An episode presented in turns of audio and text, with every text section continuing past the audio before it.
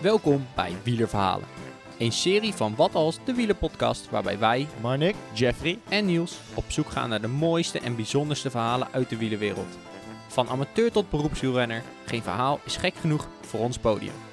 Zo willen we jou inspireren en motiveren om altijd te blijven trappen en jouw eigen wielerverhaal te schrijven. Het wordt een hele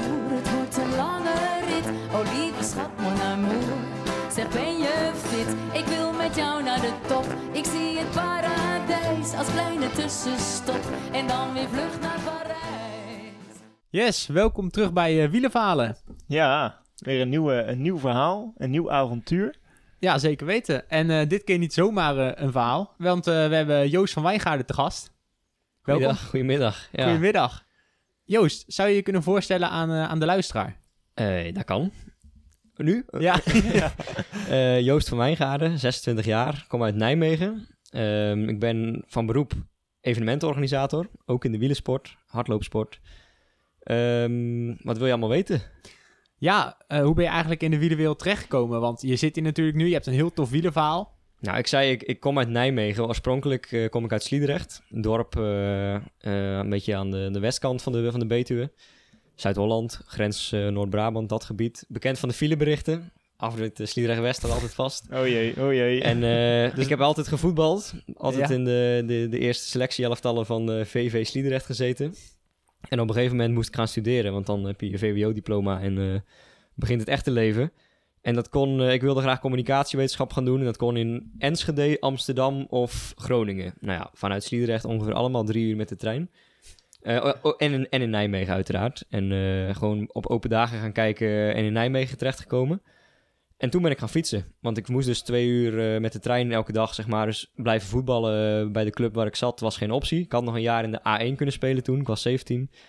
Um, maar toen gekozen om naar, naar Nijmegen te verhuizen, op kamers te gaan. Dus op mijn 17e woonde ik op mezelf. En eigenlijk een soort knip in mijn leven. nieuwe sport. Ik ben gaan fietsen toen. Nieuwe stad, nieuwe studie, nieuwe, nieuwe vrienden.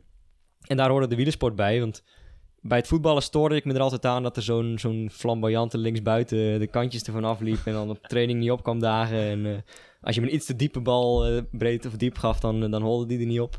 Mm-hmm. En ja, ik was zo'n teamplayer die gewoon altijd eiste dat iedereen op alles liep en, en om, omschakelde. En, uh, dus ik was zat eigenlijk om teamplayer te zijn. En ik wilde gewoon die conditie die ik zelf had, want ik was dan zo'n zo'n stofzuiger die altijd alles oploste. Of ze zetten hem aan de linkerkant van het veld in de opstelling. En dan was er gewoon geen linksback en linksbuiten. Ik stond gewoon op links.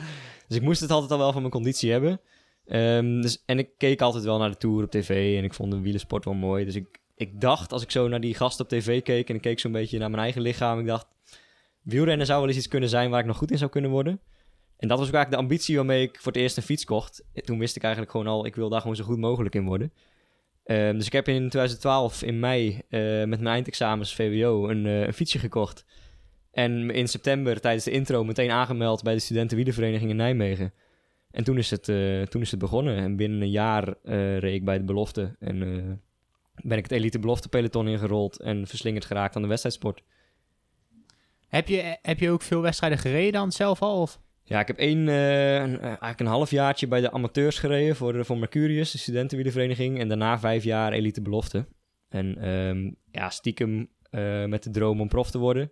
Eén jaar niet meer stiekem, want toen heb ik het ook gewoon uitgesproken en gezegd... ik stop nu met mijn studie en ik ga een jaar proberen alleen maar te fietsen en prof te worden. Mm-hmm. Nou, dat is niet gelukt, want ik zit nu hier. nee, ik, ik heb gewoon niet genoeg uh, aanleg of talent uh, bleek om, om, uh, om de stap te maken naar bijvoorbeeld een continentaal team. ik reed daar gewoon net niet uitslagen voor, ondanks dat ik er alles aan deed qua training en voeding en rust. Dus toen heb ik aan het einde van dat jaar gewoon voor mezelf de conclusie getrokken, oké, okay, dat zit er niet in. Maar ik vond de wielersport wel leuk, dus dat ben ik blijven doen. En ja, ik ben nu eigenlijk gewoon een lekker recreatief fietser. Recreatief fietsen, nou, daar is helemaal niks mis aan. Nee, nee zeker niet. Die, uh, die kennen we genoeg. Ja. dat is Marnik ook eentje. Ja. ja, we hebben natuurlijk, uh, nu weten een beetje waar, of hoe je in de wielerwereld terecht bent gekomen. Nou weet ik uh, met jouw verhaal, je bent, ik heb je al eerder leren kennen als docent. Ja. Um, en je organiseerde onder andere het Nederlandse kampioenschap voor studenten. Ja, klopt. Ik, ik ben eigenlijk in die, ik noemde net al Mercurius, in die studententijd ben ik heel actief geworden om dingen te gaan organiseren. En het NSK wielrennen, het Nederlands studentenkampioenschap, was daar eigenlijk een van de eerste dingen in. En eh, vanaf daar is ook dat balletje gaan rollen. En zodoende kan ik me nu professioneel evenementenorganisator noemen. Eigenlijk gewoon door die ervaring die ik daar heb opgedaan. Ja. Ja. En onder andere ook het, eh, het EK. Ja, wij hebben eh, vanuit het NSK wielrennen in 2016, wat we in Bergendal hebben georganiseerd, zijn we de omloop de Zevenheuvelen begonnen. Een wielenkoers voor eh, zowel met een toertocht als wedstrijden. Onder andere in de clubcompetitie eh laatste jaar gezeten. En vanuit, die, vanuit dat initiatief hebben we bedacht om het WK wielrennen voor studenten in twe- 2020 te organiseren in Nijmegen. En dat hebben we binnengehaald. En we stonden op het punt om dat te gaan organiseren totdat de coronapandemie kwam. Dus in juni 2022, 2020 kwam dat te vroeg. Toen hebben we het een jaar verplaatst. Maar vanwege die internationale kalenders moest het toen een Europees kampioenschap worden. Dus ik ben eigenlijk drie jaar lang organisator geweest van het WK voor studenten. En een jaar organisator van het EK voor studenten. ja. Zonder het ooit te hebben georganiseerd. Want ook dit jaar in juni, eh, juni 21 kon het dus nog steeds niet doorgaan eh, vanwege die pandemie. ja. Ja, en dat, dat kampioenschap vindt eh, volgend jaar weer ergens anders plaats. En eh, ja, dat was een soort vrijwillig studenteninitiatief nog. En dat hield op. En, eh, dus ja, dat, dat kampioenschap zal nooit in Nijmegen meer plaatsvinden. Spijtig. ja, dat is wel eh, ontzettend Ja, balen. dat is voor mij echt het grootste verlies van de coronapandemie. Ja. Kijk, je, je hebt natuurlijk allemaal wel een beetje ongemakken, ja, je mondkapjes en afstand en familie die wat minder ziet. Maar dat kampioenschap wat niet door is gegaan, is voor mij wel echt het meest tastbare wat, eh, Ja. Wat in die pandemie mis is gegaan voor mij. Ja. Maar dan ben ik wel heel benieuwd. Is dit ook de reden waarom je in één keer tijd vrij kreeg om dit wielerverhaal eigenlijk... eh, ja, eigenlijk wel, ja. Want ik had het jaar me heel anders voorgesteld. Met eh, in juni eh, die drukte rondom het kampioenschap wat we organiseerden. En dan nog wel eh, wat opruimwerkzaamheden, evaluatiewerkzaamheden. En kort daarachteraan zou ik naar Frankrijk gaan voor een triathlon. Had ik me Mhm. heel ver van tevoren voor ingeschreven. Nou, zowel het EK als die triathlon waar ik aan mee zou doen, zijn gecanceld. Hm. Dus toen had ik ineens ja, een zee van ruimte in die zomer eh, voor me. En toen is dit idee ontstaan. eh, of eigenlijk was het idee er al een tijdje. En toen heb ik geconcludeerd, ik ga het nu doen. Zo Ja, was het. Het perfecte moment om, eh, om het uit te voeren. Ja, ja. Ja. want eh, ja, het, idee, het, het idee waar we het over hebben... Je hebt de Tour van 1925 gereden. Ja, en dan niet toen, maar nu. Nee, nee precies. Maar ik vroeg al hoe oud ik was. ja. ja, Niels die, eh, die vertelde tegen mij... Ja, we krijgen een, eh, een gast die de Tour van 1925 heeft gefietst. En dat, meer, meer zei hij er ook niet over. Dus eh, ik dacht, ja, dat, dat moet dan iemand zijn die echt heel oud is al. ja.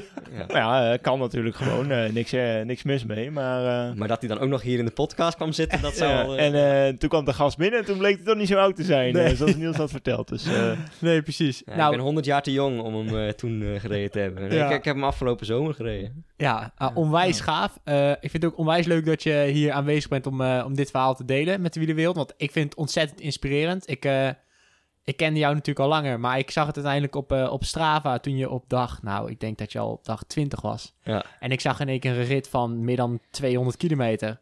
En ik denk, wat, wat is die aan het doen, joh? Ja, zo waren er meer mensen die gedurende het project inhaakten. Dus dan zag ik ineens eh, Pietje Puk je beginnen te volgen. En dan zeg maar 19 kudo's op rij van Pietje Puk. Die dan Ja. oh, alle, alle eerste etappes al... eh, Ja, want eh, even een beschrijving. eh, hoeveel eh, uur draaide jij in zo'n week? op de eh, fiets? even denken. Ja, het was gemiddeld 7 of 8 uur per dag. En ik reed gewoon elke dag. Dus dat is ja, 6, 60, uur, eh 60 uur per week. Dat, is echt, dat is echt niet normaal. Er waren jaren als elite belofte renner dat ik dat niet haal. Nee. Nee, precies. Nou, ehm, we gaan jou het podium geven. Ja, Ehm, dus we gaan eh, luisteren naar, jouw- naar jouw wielerverhaal. En eh, ja, na afloop dan eh, gaan we nog wat vragen stellen erover. top. Komt goed. Yes? Tussen 2013 en 2018 reed ik wedstrijden met een elite belofte licentie en had ik de ambitie profielrenner te worden. Nadat ik voor mezelf de conclusie getrokken had dat dit er voor mij niet in zat, bleef de liefde voor de fiets bestaan en kan ik gelukkig worden van een toerritje in een mooie omgeving met een terrasje en appeltaart. Mijn fanatieke en ambitieuze karakter staat mij echter niet toe tot in lengte van jaren dezelfde afstanden en rondjes te blijven fietsen en mezelf niet meer uit te dagen. Om die reden blijf ik af en toe toch trekken naar kleine wedstrijdjes op een lager niveau. Zoals funklassewedstrijden op de mountainbike, het NCK met mijn wielerclub of tijdritjes in het clubklassement. Op nog een manier vond ik afgelopen jaar nieuw plezier in het fietsen. Door een vriend werd ik getipt mijn Strava eens te synchroniseren met een VeloViewer-account. Voor 10 Engelse pond per jaar gaat er een wereld aan data, statistiekjes, mooie overzichten en heatmaps voor je open. Het meest verslingerd ben ik aan de Explorer Tiles die VeloViewer biedt. Deze feature legt een raster over de wereldkaart met vakjes van anderhalf bij anderhalf kilometer En zodra je een keer tijdens een sportactiviteit een GPS-punt hebt geregistreerd in zo'n vakje, wordt het ingekleurd. Eigenlijk gewoon een soort bingo-kaart dus. Zo vul je je eigen kaart steeds verder in. Dan ontstaat de uitdaging om een zo groot mogelijke aaneengesloten vlek of vierkant te maken. Goed, alleen daarover zou ik al nog een uur langer kunnen vertellen, maar dat is niet de reden van dit verhaal. Het heeft wel deels voor de aanleidingen van gezorgd, want met die VeloViewer vierkantjes creëer je namelijk een soort heatmap van je eigen ritten. En ik als liefhebber van kaartjes en topografie zit dan heel vaak naar zo'n heatmap te kijken en tot in eeuwigheid uh, in te zoomen en uit te zoomen en te bestuderen. Om, om te zien waar ik allemaal gefietst heb en waar het mooi zou zijn om nog te fietsen. Ook ben ik wel eens gegrepen door Strava Art. Dat het tekenen van figuurtjes met je Strava-activiteit. Zo reed ik vorig jaar een keer een octopus van 160 kilometer. Deze twee interesses wakkerden bij mij het idee aan om de Tour van 1925 te gaan rijden. En dat kwam bij het lezen van het boekje over de Tour de France over de vroege jaren. De Rode Lantaarn heette dat. Heeft overigens niks te maken met die wielenpodcast Rode Lantaarn. Maar dat terzijde. Um, dat vergt het uitleg, want in de jaren 20 en de jaren 30 bestond de Tour de France letterlijk uit een ronde van Frankrijk. Soms eens linksom, soms eens rechtsom, soms startend in Parijs en soms ergens anders. Maar altijd die hele omtrek van Frankrijk, dus langs de landsgrenzen in een soort stervorm. En door het rijden van deze ronde en het uploaden daarvan op Strava, en dus op VeloViewer, teken je dan dus automatisch ook de contouren van Frankrijk. Oftewel de ultieme vorm van Strava art. Nou, het was januari 2021 dat dit idee ontstond. Snel daarna tekende ik de routes uit en werd de uitdaging haalbaarder doordat ik de originele 18 etappes van zo'n 300 à 400 kilometer die ze in 1925 reden, opsplitste in 29 kortere etappes. Nou, die, 9 die 29 etappes waren nog altijd gemiddeld 187 kilometer met 1900 hoogtemeters. Dus het zou alsnog bij far de zwaarste fysieke uitdaging van mijn leven gaan worden. En dan was er nog de logistieke uitdaging. Ik zag dit niet zitten als ik dagelijks een tentje, slaapspullen, bagage en eten mee moest torsen. Dus echt het backpacken. En het boeken van 29 hotelkamers was financieel niet erg aantrekkelijk. En bovendien risicovol. Want als ik ergens vertraging op zou lopen, dan was ik al die uh, hotelkamers kwijt. De oplossing vond ik in het huren van een camper en het zoeken van begeleiding die deze camper dagelijks van camping naar camping wilde vervoeren. Met die camper was dan ook meteen mijn dagelijkse slaapplaats geregeld. Mijn ouders begeleidden de eerste 10 dagen en een vriend van de lokale wielerclub nam de laatste 20 dagen voor zijn rekening.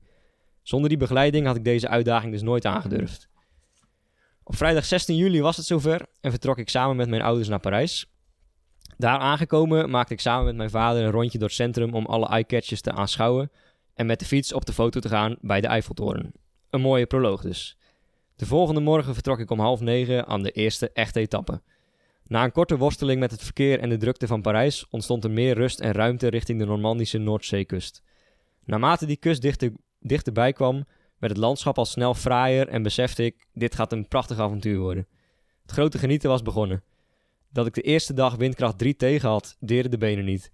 De conditie was goed en de moraal superhoog. De eerste dag zat de vaart er meteen lekker in en arriveerde ik zelfs eerder op de camping dan mijn camper. Niet alleen ik, maar ook mijn ouders moesten dus nog even het juiste ritme zien te vinden. Die dagelijkse routine kwam er echter al snel in. De tweede etappe, langs de Normandische kust, was werkelijk schitterend. Prachtige golvende wegen langs klifvormige kuststroken en dat met heerlijk warm weer. Het was lang geleden dat ik zo bewust genoten heb op de fiets.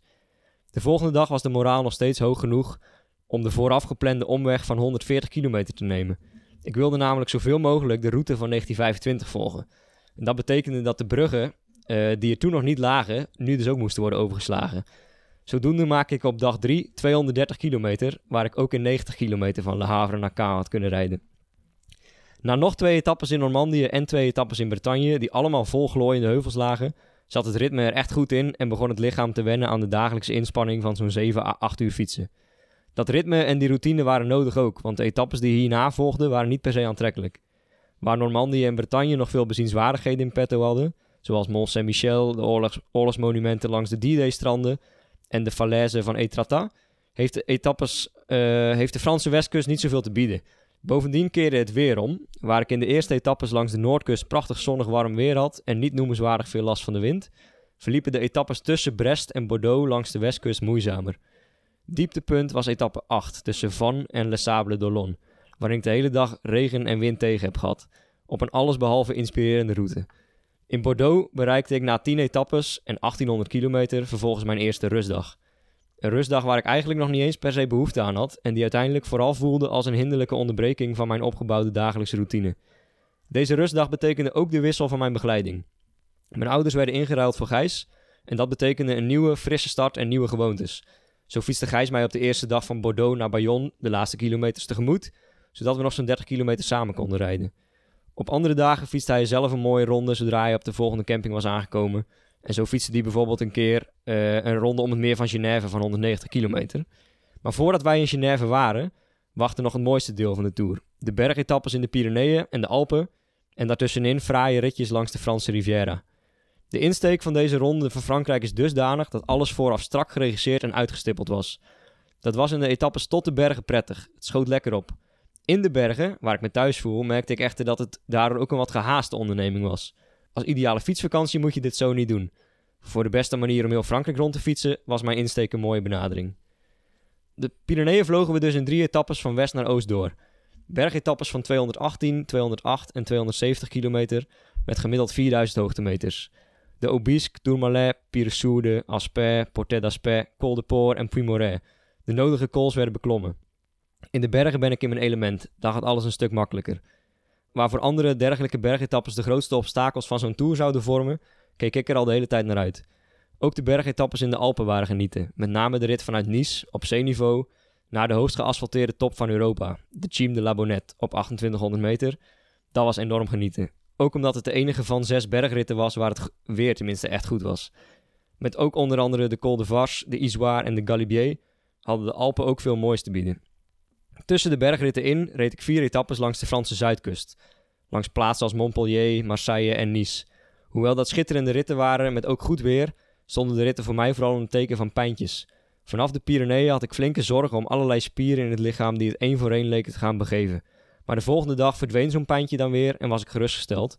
Maar ontstond er tegelijkertijd weer een volgende zorg in het andere been of een andere spier. Deze pijntjes zijn de enige veroorzakers geweest van momenten dat ik heb gedacht het niet te gaan halen. De rustdag in Nice kwam dan ook op het perfecte moment. De rest van mijn tour verliep crescendo. Ik heb zelfs niet één keer lek gereden in 5500 kilometer. Met de Alp achter de rug had ik driekwart van mijn project voltooid. Het voelde echter alsof ik de finish al bijna bereikt had. De resterende etappes verliepen vlot. Met Jura, Vogese en Franse Ardennen waren er toch nog flink wat hoogtemeters te verteren. Sterker, ook de vlakkere delen van Frankrijk zijn niet bepaald wat wij in Nederland vlak noemen. Het meest zag ik op tegen een saaie rit van 240 kilometer, zonder noemenswaardigheden in etappe 26 tussen Metz en Hirson. Die overleefde ik en toen wist ik zeker dat ik Parijs ging halen. Ook een kasseienrit richting Roubaix werd nog goed verteerd door lijf en fiets.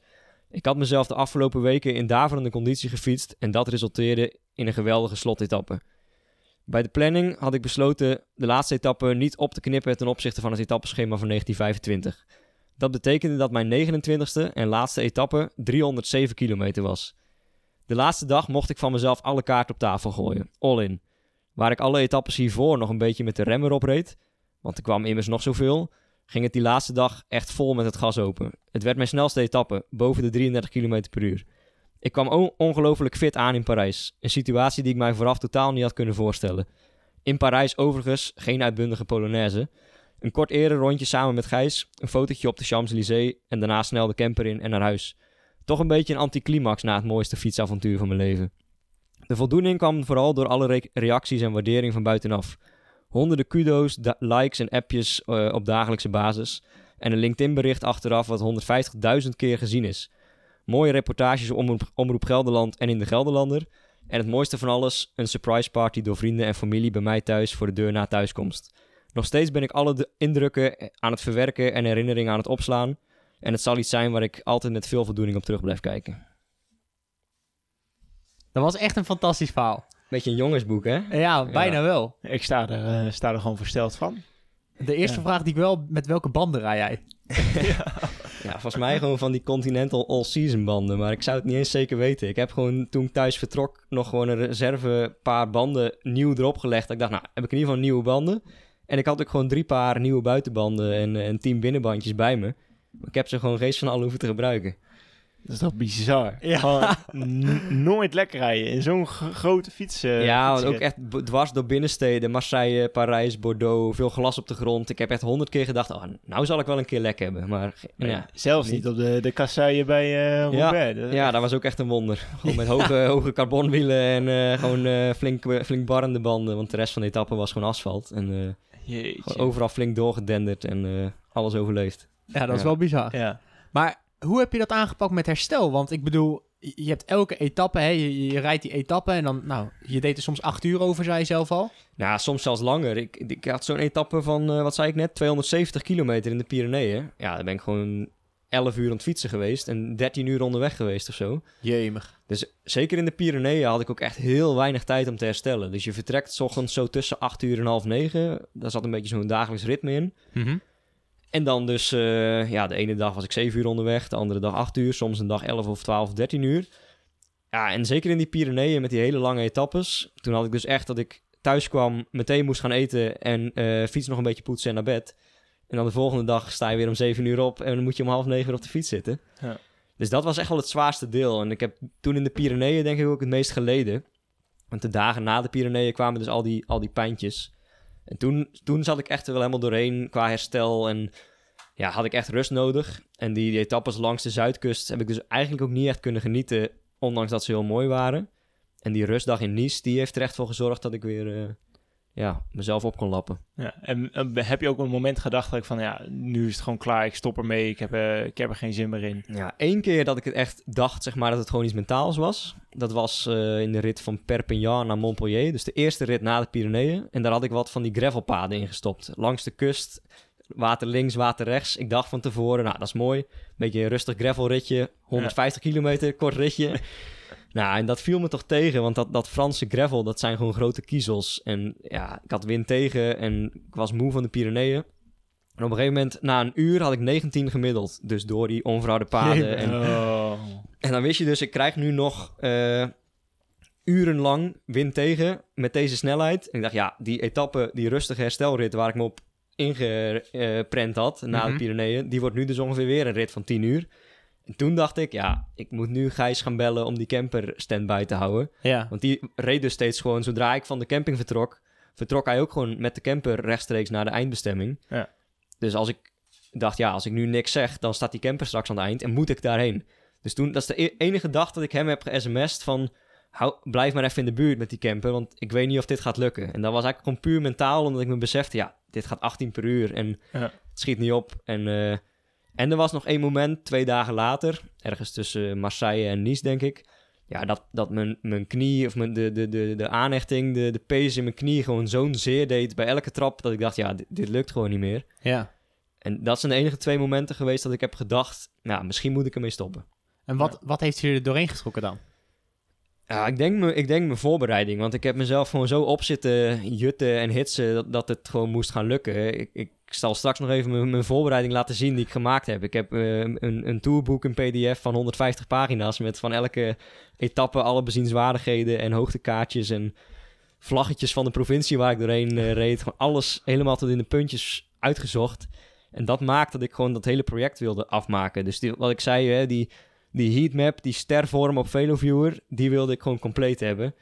En ja, dit, dit project zou voor mij niet geslaagd zijn als ik 13 dagen enorm had genoten en dan had moeten stoppen. Dan was het niet compleet geweest Nee, en dan had- ja. was het gewoon niet gelukt.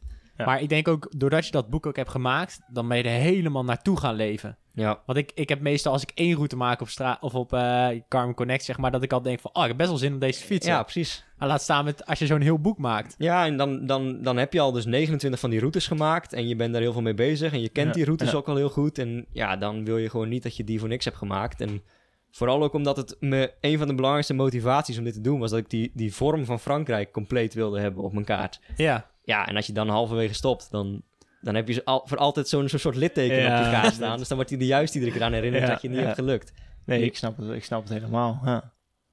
Maar hoe heb je je nou op voorbereid dan? Want ik bedoel, je, je zegt net al 60 uur per week. Kan je je daarvoor voorbereiden überhaupt? Nou ja, ik denk dat het een beetje net zoiets is als dat je de marathon loopt. Hè, daar zeggen ze ook van, die loop je nooit als training helemaal. Eh, je, je traint ongeveer tot 36 kilometer hè, van de 42. En de rest doe je op karakter. En ik denk dat dat hiermee een beetje hetzelfde is. Ik, ik heb wel anders dan andere jaren in, in het voorjaar en het begin van de zomer heel veel lange ritten gemaakt. Een keertje 300, eh, een paar keer boven de 200. Ter voorbereiding. En daarvan dacht ik, ja, nou, dit, dit kan ik. En ik heb twee keer een, een vierdaagse gereden. Dus eh, elke dag 180 kilometer of zo. Een beetje zoals ik in de Tour ook zou gaan doen. En dan vier dagen, gewoon een lang weekend. En dan fietste ik bijvoorbeeld een rondje door Nederland. En dan overnachtte ik bij vrienden.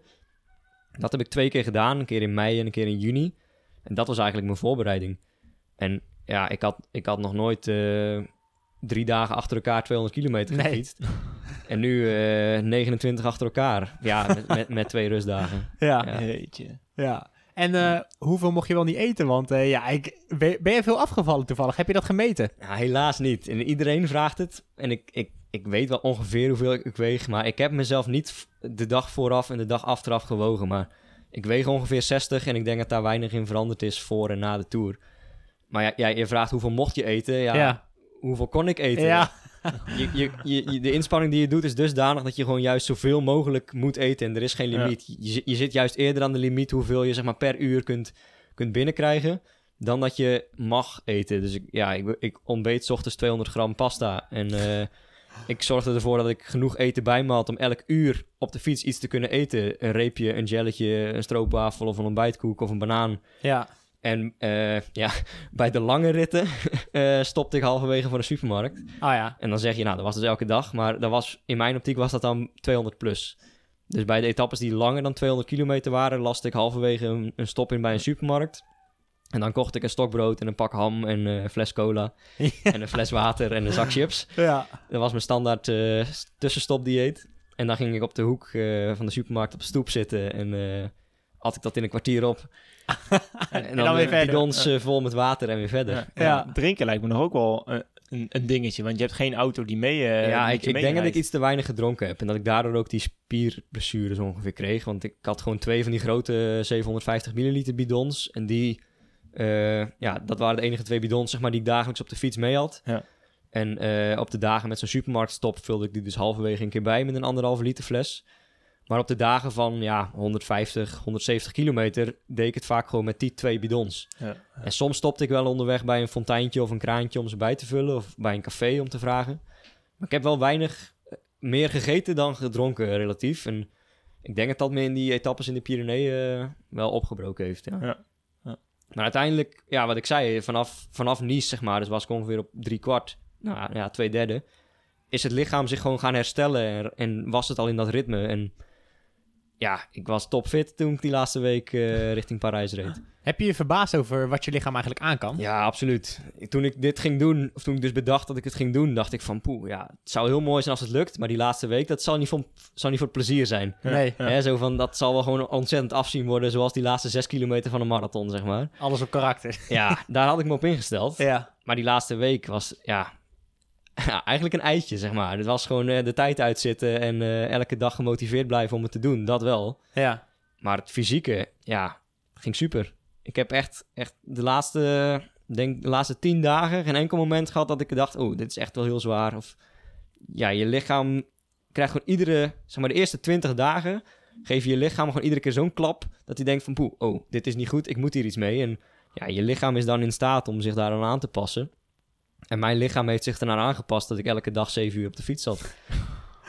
Dus, Ja. dat, dus dat kon je lichaam dan op een gegeven moment ook. Ja. En als Ja. je dan maar genoeg blijft eten en slapen en, eh, en toch een beetje hè, rust te proberen, dan, eh, dan kan zoiets blijkbaar. Ja. Ja, Maar, maar wat is nou echt... Want je hebt die hele tour gedaan. Je hebt eh, 29 dagen was totaal. ja, Hoeveel kilometer was totaal? ja 5500 kilometer ongeveer. ja. Hoeveel fiets jij per jaar, Marnik? Nou, Nou, maar ik je dat maar een- niet meer in in, ieder geval. 2000, in 2019, dat was het eerste jaar nadat ik ben gestopt met wedstrijden rijden, toen heb ik 4500 kilometer in een jaar gefietst. Dat is zelfs nog minder. Ja, en in 2020 kreeg ik een hoop meer tijd vanuit mijn werk ook door die coronacrisis. Dus toen ben ik weer wat meer gaan fietsen. Maar eh, ja, ik, ik zit nu al geloof ik op 14,8 eh, duizend kilometer of zo in een jaar. Zo- Holy. Zelfs Jeffrey eh, redt dat niet hoor. Nee, hij zit hier denk ik het. Oh. Ja, dus ik denk dat ik op eh 16, 17.000 kilometer uitkom dit jaar. En dat haalde ik ook niet toen ik eh, soms zeg maar 20 uur per week trainde als, eh als elite renner. Ja. dus ja, het is wel bizar. En vooral dat je het in die ene maand zo, Ja. eh, zo doet. Als je, als je het nog een keer zou doen, wat zou je dan eh, eh, iets anders doen dat je nu hebt gedaan? Ja, daar heb ik natuurlijk tijd genoeg voor gehad om erover na te denken. Ja, ja. En ik heb ook al wel erover nagedacht tijdens die tour hoor. Van stel ik vind dit heel leuk, hè, ergens op de helft of zo. Van wat zou dan het volgende zijn? Of wat zou ik nu gaan doen? En Ja. ja. ik heb al wel gedacht om dan bijvoorbeeld de ronde van Italië te doen. Niet dat ik dat nu volgend jaar ga doen hoor. Maar ik zou het dan zo aanpakken dat je alleen de leuke stukken fietst. En niet per se de hele omtrek wil fietsen. Want dat Ja. vond ik bij Frankrijk heel mooi, omdat het ook die karakteristieke vorm heeft.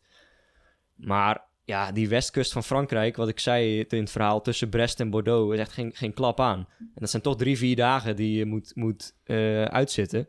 Ja. Dus ik zou het best mooi vinden om bijvoorbeeld nog een keer de hele Pyreneeën door te rijden en dan zo door het Centraal Massief en de Alpen zo schuin Europa door te steken. Zodat je echt alleen mooie, mooie bergetappes hebt. Dat, dat vind ik heel mooi. Maar per se zo'n hele ronde vooraf uitplannen, waarvan je weet dat er ook heel veel saaie etappes tussen gaan zijn, dat ga ik niet nog een keer doen. Nee. Nee. Nee, dat, dat kan ik wel begrijpen. Maar je hebt nu, je hebt nu alles gehad. Hè? Je bent nu thuis. Eh, je bent thuisgekomen. Je zei die la- laatste dag was een beetje anticlimax.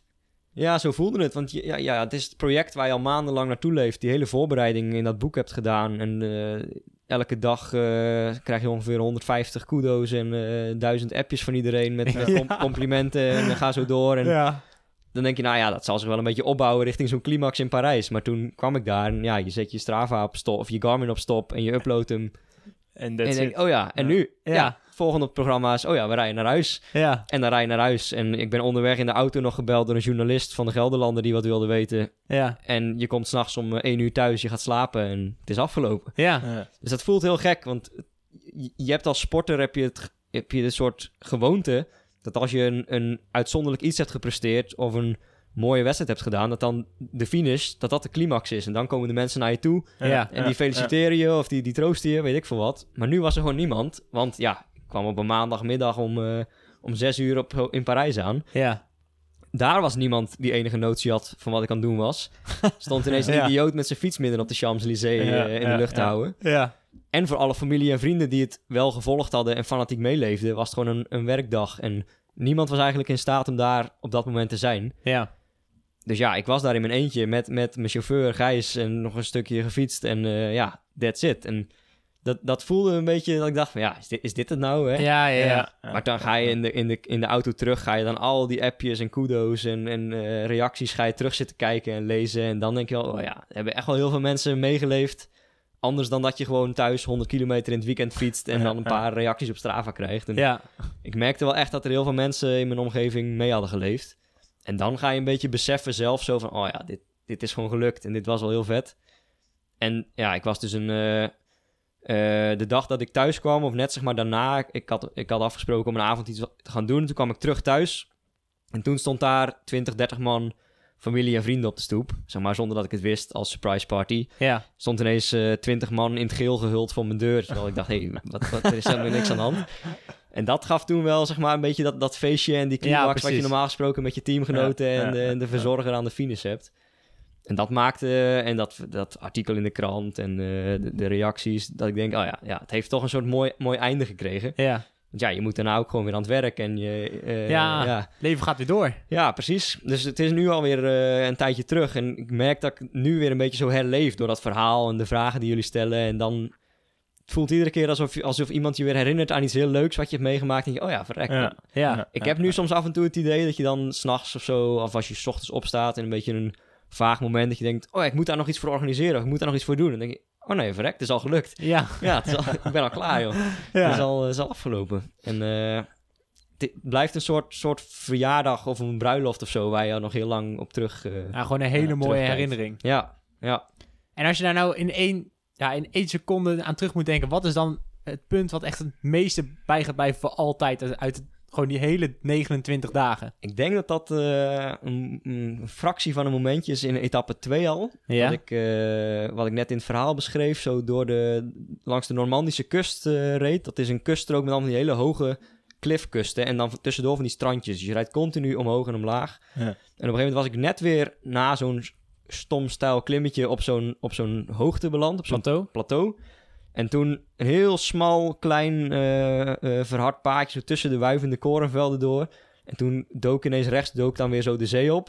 En ik zat toen in mijn hoofd met zo'n liedje van, eh, volgens mij is het van Diggy Dex, samen met nog iemand die dan in het Frans zingt La Vie est Belle. En dat zat zo in mijn hoofd en toen dacht ik, nou, toen ben ik even afgestapt gewoon en op mijn fiets gaan zitten zo. En ik dacht, ja, dit, dit is echt genieten en dit is waarvoor ik het heb gedaan. En volgens mij heb ik toen zelfs ook nog daarvan even zo'n Instagram eh, story of zo eh, eh, gemaakt. Dat ik dacht, ja, dit moet ik even vastleggen zo met een liedje erbij. Ja. En de- als ik daar nu aan terugdenk, dat moment en dat liedje, dan heb ik heel die, heel die herinnering van Frankrijk weer terug. Ja. En dat is voor mij ook het belangrijkste geweest van dit. Want ik- ja, als, als wedstrijdwielrenner was ik al in de Pyreneeën en de Alpen geweest en Ja. veel mooie etappes gereden, zeg maar. Maar dan heb je nooit zo'n oog voor, wat je, voor waar je bent. En ik was dit heel erg bewust begonnen van ik moet genieten op de fiets. En ik, ik heb ook echt heel erg bewust elke dag gedacht zo van, ah, dit is wel echt mooi dat ik dit kan doen en genieten onderweg. En dat was daar het hoogtepunt van. En doordat je dan dat liedje in je hoofd hebt, komt dat uiteraard nog een paar keer terug, zeg maar. Hè? Want je hebt elke dag wel een beetje zo'n wijsje in je hoofd. En Ja. de tweede keer dat ik het had, was op de, op de, bovenop de Obisque col in de, in de Pyreneeën, buitencategorie. Het was heel de dag mistig en bewolkt. Totdat ik op de Obisque op 1700 meter kwam, ongeveer een kilometer voor de top. En toen kwam ik boven de, boven de wolken uit, boven de mist. En toen trok het ineens helemaal open en de zon kwam. En dan zie je ineens zo die hoge rots, eh, rotspunten van de, van de Pyreneeën naast je. En toen had ik weer zo'n moment dat je echt heel bewust aan het genieten bent. Dat je denkt, oh, wauw, Oh ja, dat ik dit ja. mag meemaken. En- Ja. Als je dat liedje nu nog een keer zou horen, dan, dan denk je er meteen weer aan terug. Ja, aan dat toevallig. van, eh, laatst nog een keer in de auto kwam het toevallig op de radio. En dan schiet je bijna vol. van, ah, ja, Ja, eh, dan ja, komt ja. al heel die, heel die herinnering komt weer Ja. terug. Oh En, ja, eh, mooi. Ja. Ja, ja dat, eh, dat, dat nummer dat zal er wel voor altijd aan verbonden blijven, denk ik. Ja, leuk. Dus mocht je nog wat zoeken voor de outro, dan... eh, Nou, ik zit eigenlijk even hard op te denken. Dit hebben we niet van tevoren afgesproken, maar Manik, wij hebben natuurlijk met de normale aflevering hebben wij een superkudo-rubriek. Maar eh, dit verdient wel echt een superkudo. Dit is, eh, dit is een super kudo eh, waardig natuurlijk, ja. Dus jij gaat straks na afloop van ons een superkudo pakket krijgen van, Kijk. van Rap. En eh, ja, dat heb je zeker verdiend, eh, want echt, wat een fantastisch verhaal. Ik heb dit nog nooit meegemaakt dat iemand zo ver heeft gefietst in, eh, in zo'n korte tijd. ja, Ja. Ik, ik ook niet. Ja, Nee, dat is voor jou ook al nieuw. Ja, En dat op een leeftijd van 120, hè Marnik? ja, heel. Oh, nee. ehm, dan hebben we eigenlijk de laatste vraag. Wat wil je met jouw verhaal meegeven aan de luisteraar? Poeh. ehm, ja, dat is een goede vraag. Ik, ik denk dat ik de mensen die het leuk vinden om dit soort dingen te doen, wil aanmoedigen om het gewoon te doen. Want dit kost natuurlijk, het heeft me vijf weken vakantie gekost, zeg maar. En ja, ook een hoop geld, want je moet al die campings reserveren en zo. Dus Ja. het vergt best wel een investering dat je denkt van, ja, ga ik dit nou echt doen? Hè? Maar het is een beetje net zoals met dat je je inschrijft voor een, een hele triathlon, een Ironman of een marathon. Dan, als je dat doel eenmaal zet, dan heb je dat ervoor over. En dan heb je het ervoor over dat die marathon 90 euro kost. En daar was hier ook me- een beetje mee. En vooral ook de opoffering qua, qua tijd en, en ja, wa- wat je je lichaam aandoet. Daar heb ik vooraf best wel over getwijfeld nog. Van ja, moet ik dit nou echt gaan doen? Word, word ik hier wel beter van? Dus ik wil eigenlijk vooral iedereen eh, onder de luisteraars aanmoedigen die ooit zo'n idee heeft van... eh, eh, al is het maar laat ik een keer 100 kilometer fietsen. Of laat ik een keer eh, 200 kilometer fietsen. Ga het gewoon doen en, eh, en, en besef, eh, besef op dat moment hoe leuk het is. Nou, vind ik een hele mooie eh, om mee af te Een sluiten. hele mooie afsluiting voor, deze, de, voor dit wielenverhaal. Ja, nou bedankt voor het luisteren. En eh, nou, binnenkort eh, weer nieuwe. Ja, zeker. Nou, dat was hem. Mooi. Joost, bedankt. Ja, jullie, jullie ook bedankt, want eh, anders had ik dit niet... eh, had ik nu weer gewoon een werkdag gehad. En, Leuk dat je luisterde naar Wielenverhalen. Een serie van Wat Als, de Wielenpodcast. Heb jij een wielenverhaal die echt gedeeld moet worden met de wielenwereld? Twijfel dan niet en stuur een bericht naar ons telefoonnummer 06 82 61 2419. Wil jij meer afleveringen luisteren? Abonneer dan nu via Spotify, iTunes of jouw favoriete podcast app, zodat je geen aflevering meer mist.